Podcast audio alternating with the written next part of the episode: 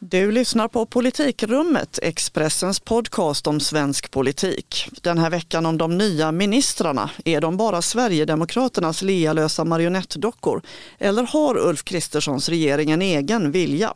Och så måste vi prata om det liberala inbördeskriget som blossat upp igen.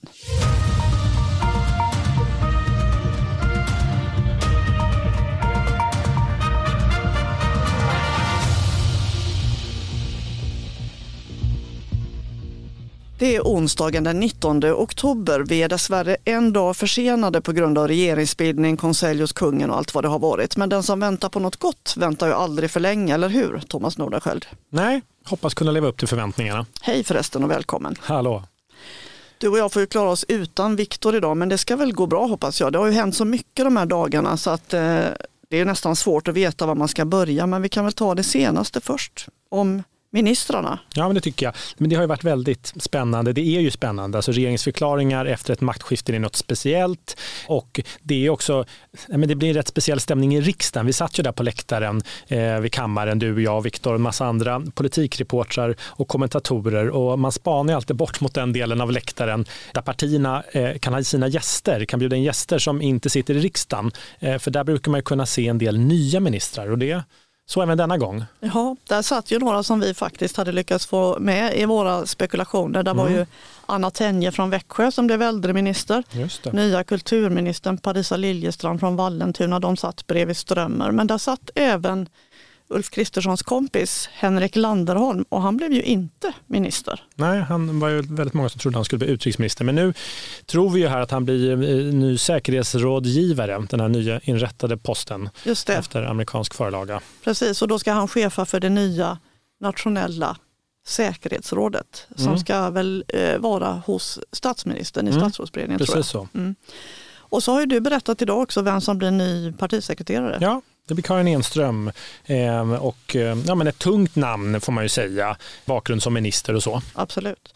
Men ministrarna då, en stor överraskning för alla var ju att Tobias Billström blev utrikesminister. Han har ju lång och gedigen erfarenhet som migrationsminister. Han har varit vice talman och gruppledare. Men han har ju inte utrikespolitisk bakgrund. Nej, det har han ju faktiskt inte, även om Ulf Kristersson säger att de ofta talat om utrikespolitik med varandra. Nej, men, alltså, Billström är helt klart en överraskning, kanske den största här får man säga. Inte minst eftersom det fanns många andra starka kandidater här då.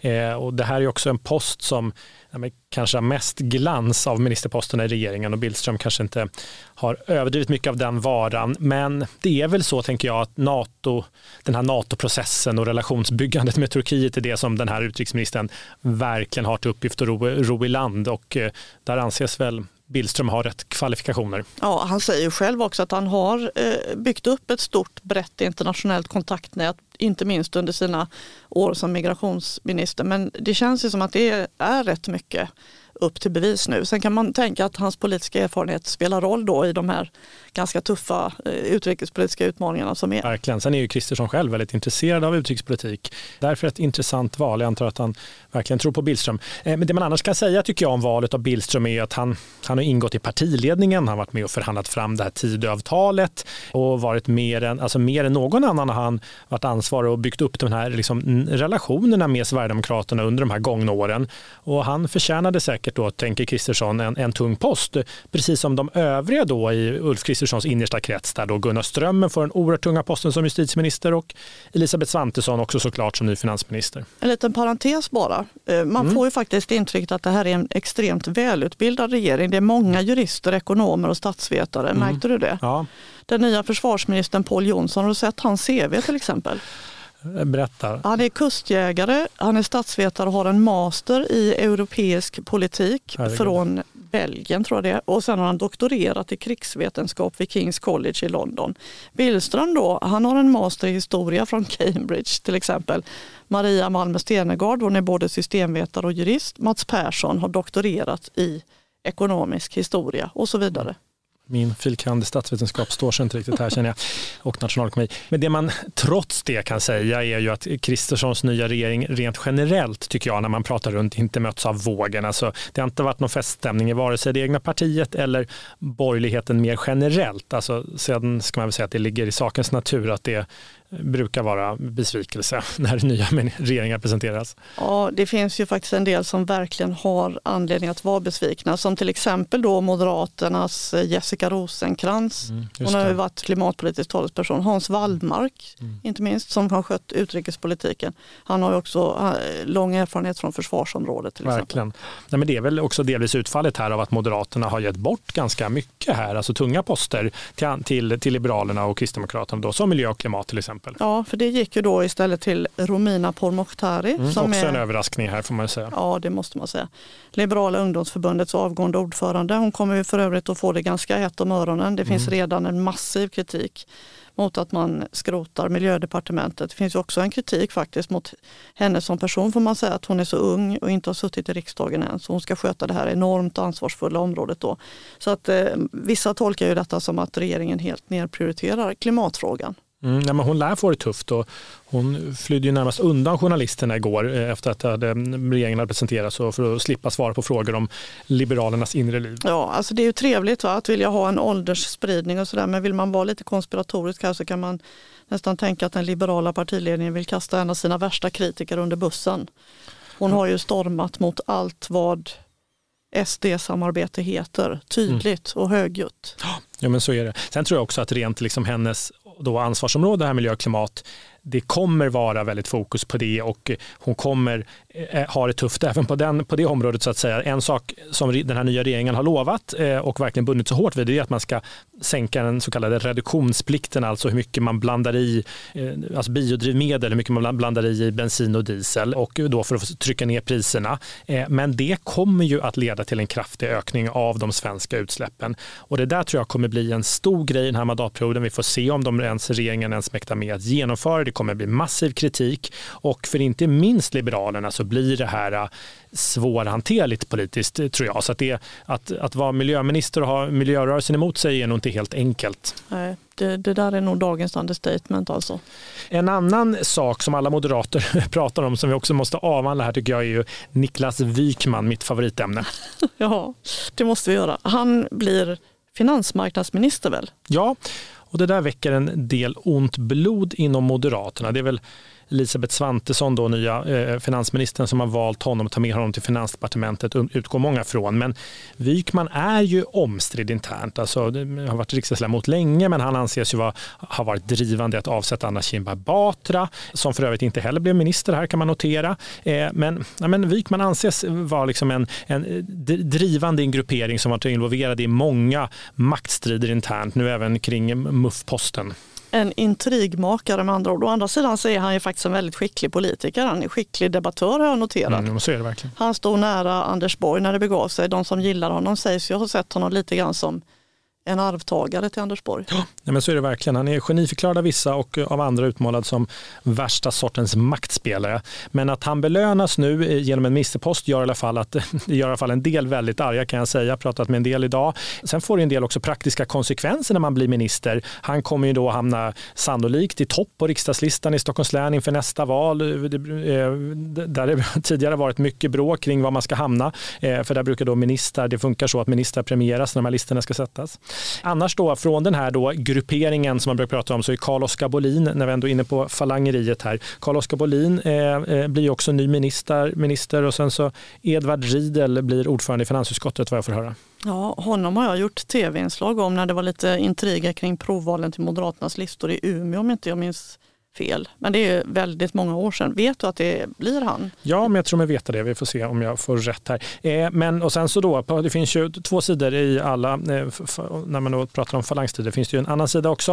Eh, där kan man väl nämna Maria Malmer Stenegard som eh, även hon blir minister med ansvar för eh, migration. Eh, hon nämns ju mm, av en del som gillar henne då som möjlig framtida partiledare till och med. Nu blir hon ansvarig för att stänga gränser och försöka få folk att lämna landet. Det kanske inte kommer göra henne folkkär direkt. Vi får väl Nej, se. Vi får väl se ja. Eh, och från samma falang i partiet så kommer ju även Johan Forsell som något oväntat blir handels och biståndsminister. Alla hade ju trott att han skulle komma till ja, justitiedepartementet, inrikesminister eller någonting ja. sådant. Verkligen. Och sen, så, nej, men sen kan man väl säga det rent generellt eh, som tröst till alla de som inte har blivit ministrar eh, och är besvikna att det är ju inte alltid en boost i karriären att bli utsedd till minister. Eh, alltså det är ju många bortglömda ministrar från Löfvens ministärer. Alltså, nu kommer jag inte på något bra exempel, men de är ju också bortglömda. jag kommer ihåg dem.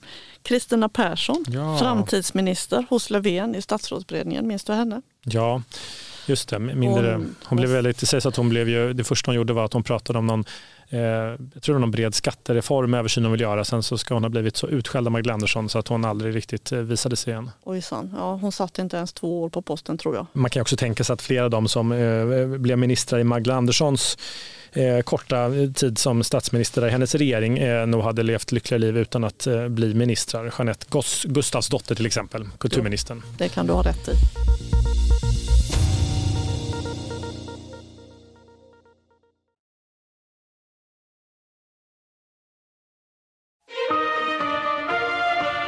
Den nya regeringen och Tidöavtalet som slöts mellan de fyra partierna till höger har ju beskrivits som en sverigedemokratisk triumf och det är ju inte så konstigt egentligen för Jimmy Åkesson han fick ju prata först av alla om innehållet när de hade presskonferens i fredags och han såg ju överhuvudtaget väldigt glad ut.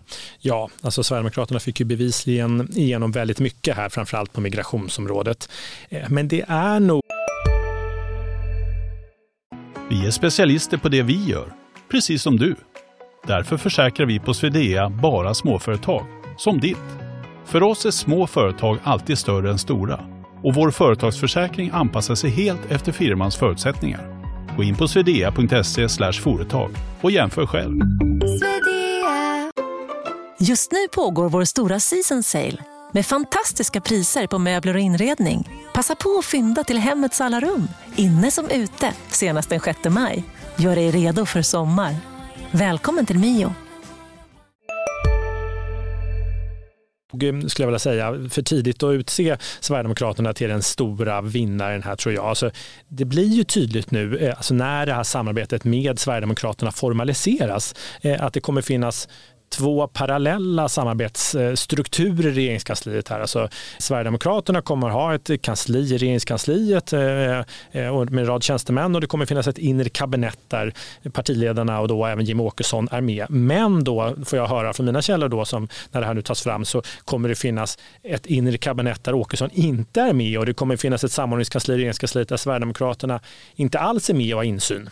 Det låter som att regeringen kommer att ha goda möjligheter att bedriva politik utanför det här avtalet med andra ord. Jo, men så är det. Mina källor beskriver då det här hur förlagan till Sverigedemokraternas kansli är eh, det som Liberalerna hade under januarisamarbetet eh, eh, och att de till och med sannolikt kommer att ha samma lokal här då i regeringskansliet. Och det där kansliet, ja, det sågs ju inte som vare sig någon succé för Liberalerna eller som att de Liberalerna mer eller mindre var ett regeringsparti. Nej, verkligen inte. Nej, men och sen tycker jag att det, det, är ju tydligt nu, alltså det blir ju tydligare och tydligare att Tidöavtalet långt ifrån är allt regeringen kommer ägna sig åt. Alltså, det är ju inom en rad områden, alltså man kan ta arbetsmarknadspolitiken som är då Johan Perssons, blir hans område här. Eh, det ligger till stor del utanför eh, avtalet med Sverigedemokraterna. Eh, och samma sätt är det på en rad andra områden. Och man har ju på de här nya ministrarna hur de pratar om att det, det skapar möjligheter för regeringen att eh, agera utan, utan Sverigedemokraterna. Så vi får väl se hur, hur, hur kul det här blir för Sverigedemokraterna. Ja, och det är ju också så att mycket av det som Sverigedemokraterna har drivit igenom ska ju utredas. Det ska tröskas igenom det. det byråkratiska maskineriet. Och det gör ju att det tar tid innan det där kan implementeras. Och det den tidsåtgången kan ju också slipa av en del kanter på de här förslagen. Jo men så är det. Eh, alltså, men sen kommer ju regeringen, ska man ha klart för sig också, som ju är mindre än Socialdemokraterna. Så de här tre regeringspartierna har ju färre mandat än Socialdemokraterna på egen hand i riksdagen. Så det gör ju att regeringen kommer ju behöva söka stöd för allt som de vill driva igenom i riksdagen. Eh, och det ger ju såklart eh, Sverigedemokraterna en maktställning. Och så har de budgetsamarbetet som också ger SD stort inflytande. Men jag tror trots det att man ändå ska vara försiktig med att utmåla Sverigedemokraterna till segrare redan nu, bara någon dag in på den nya regeringen. Alltså, det tenderar ju, om man i alla fall ser historiskt, eh, vara så att stödpartier får det tufft. Alltså det kommer ju vara så också med de här stora kriserna vi har, omvärldsläget. Alltså fokus kommer riktas mot Ulf Kristersson, Tobias Billström, Gunnar Strömmer och Elisabeth Svantesson. De kommer synas en massa. Medan Sverigedemokraterna mer, liksom, de har ju fått igenom sina grejer, regeringen ska verkställa men de blir ju mer relevanta först när de sätter sig på tvären. Eh, och det talar väl kanske om något för att den här regeringen kan få det stormigt än med. Sa du stormigt? I det avseendet så finns det ett annat parti som ju ändå tar priset. Gissa vilket? Ja, ska vi äntligen tala om Liberalerna nu? ja. vi, vi backar några dagar till mm. i fredags när Tidöavtalet presenterades då i riksdagen av de fyra maktskiftespartiledarna. Alla såg ju nöjda ut utom liberalledaren Johan Persson. Han är ju normalt en glad och gemytlig person. Men han var gravallvarlig och såg ut som att han verkligen inte hade sovit många minuter den natten. Nej, han såg väldigt trött ut. Ja, och gravallvarlig. Verkligen. Mm. Men eh, det fick ju sin förklaring en kort stund senare. Liberala ungdomsförbundet skrev en debattartikel i Expressen att Liberalerna borde rösta nej till Kristersson när det var dags för statsministeromröstning. Eh, och sen eh, pratade ju du med partiets starke man i Stockholms stad, Jan Jönsson. Han är partistyrelseledamot som för övrigt dessutom sitter i partiledningen. Ja, han sa att avtalet var allmänt hemskt och innehöll alldeles för stora eftergifter och eh, gjorde ont i själen och annat. Och, eh, han sa ju också, eh, vilket visade sig relevant sen, eh, en del andra lyfte det också, att avtalet inte var förankrat i partiledningen och partistyrelsen ordentligt. Eh, exakt. Och sen träffade jag då en annan av partiets tunga dissidenter, nämligen Anna Starbrink. Hon gick ju en gång i tiden i täten för kampen mot det nya vägvalet. Hon har ju varit väldigt kritisk till allt som andas samarbete med Sverigedemokraterna. Men nu sitter hon i riksdagen och vi trodde ju verkligen att hon hade tonat ner sitt motstånd. För så har det ju låtit på henne. Mm. Men eh, nu deklarerade hon att hon tänkte rösta emot delar av Tidöavtalet. Hon tänker rösta nej till tiggeriförbud till exempel som är en viktig fråga för inte minst Sverigedemokraterna. Eh, och nej till alla eh, tankar på åtstramningar av rätten till tolkhjälp inom vården. Mm. Och flera andra ledamöter, till exempel Lina Nordqvist, säger samma sak och har krävt att deras protester dessutom ska protokollföras. Och sen Senare så har ju Starbrink utvecklat detta. Jag hörde henne i Sveriges Radio och då sa hon att eh, hon följer partilinjen då i mm. beslut om budget och om regeringsbildning.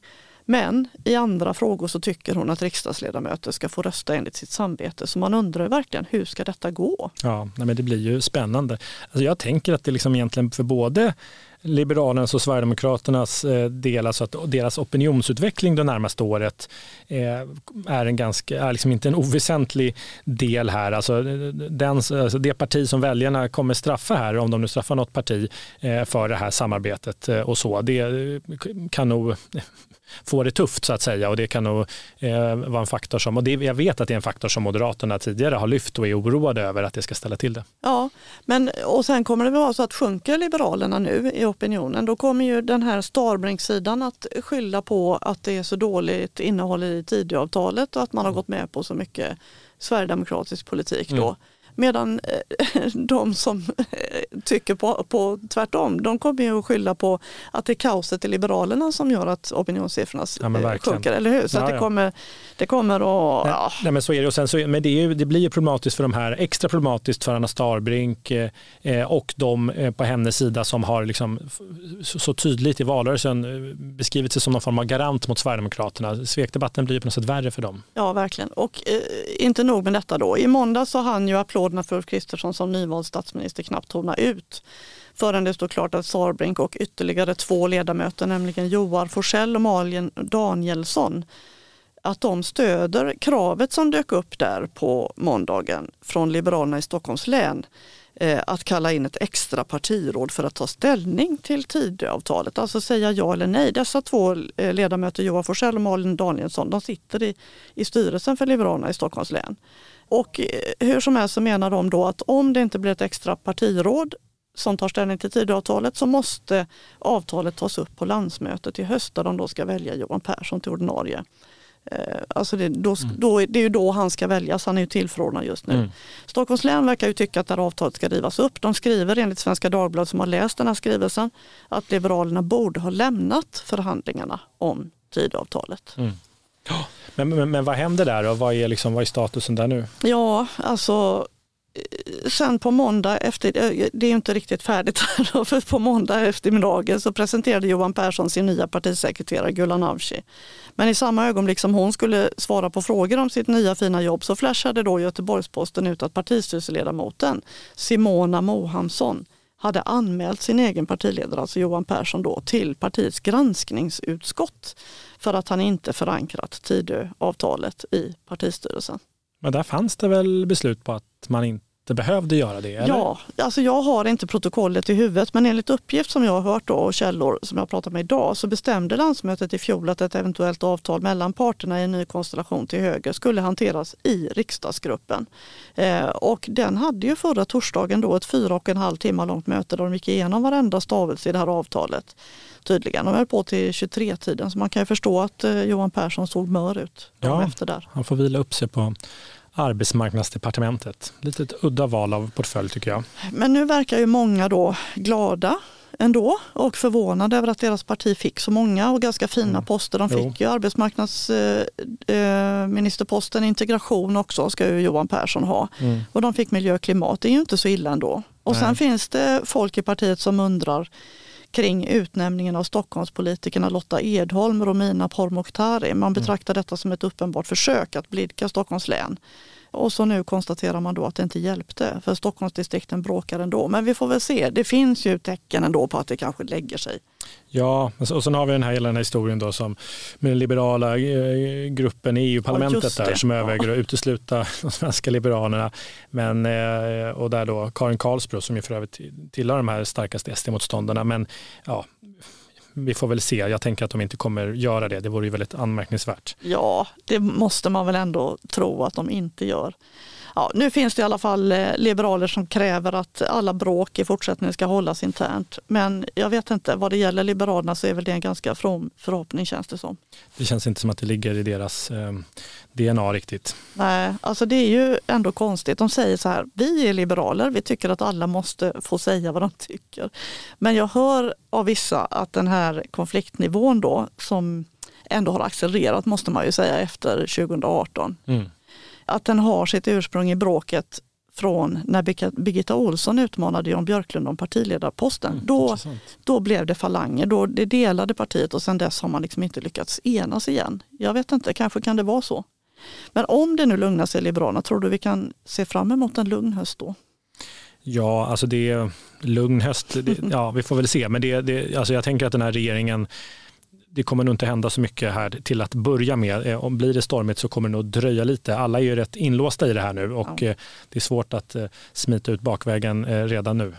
Ja, precis. Men sen är det ju också annat på gång. Centerpartiet får vi inte glömma bort, eller hur? Det var, I fredags gick nomineringstiden ut för att föreslå ny partiledare. Vi får se om det blir fler kandidater än Emma Wiesner och Alireza Akhondi som båda har sagt att de vill efterträda Annie Lööf. Men mer om detta och mycket annat i kommande poddavsnitt. Nästa tisdag hörs vi igen. Tack för idag Thomas. Tackar. Och tack till alla er som har lyssnat. Hej hej.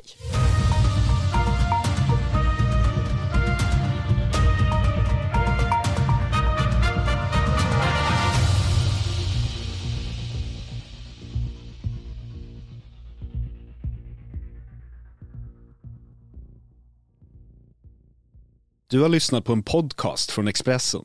Ansvarig utgivare Klas Granström. Hej, Synoptik här. Visste du att solens UV-strålar kan vara skadliga och åldra dina ögon i förtid? Kom in till oss så hjälper vi dig att hitta rätt solglasögon som skyddar dina ögon. Välkommen till Synoptik.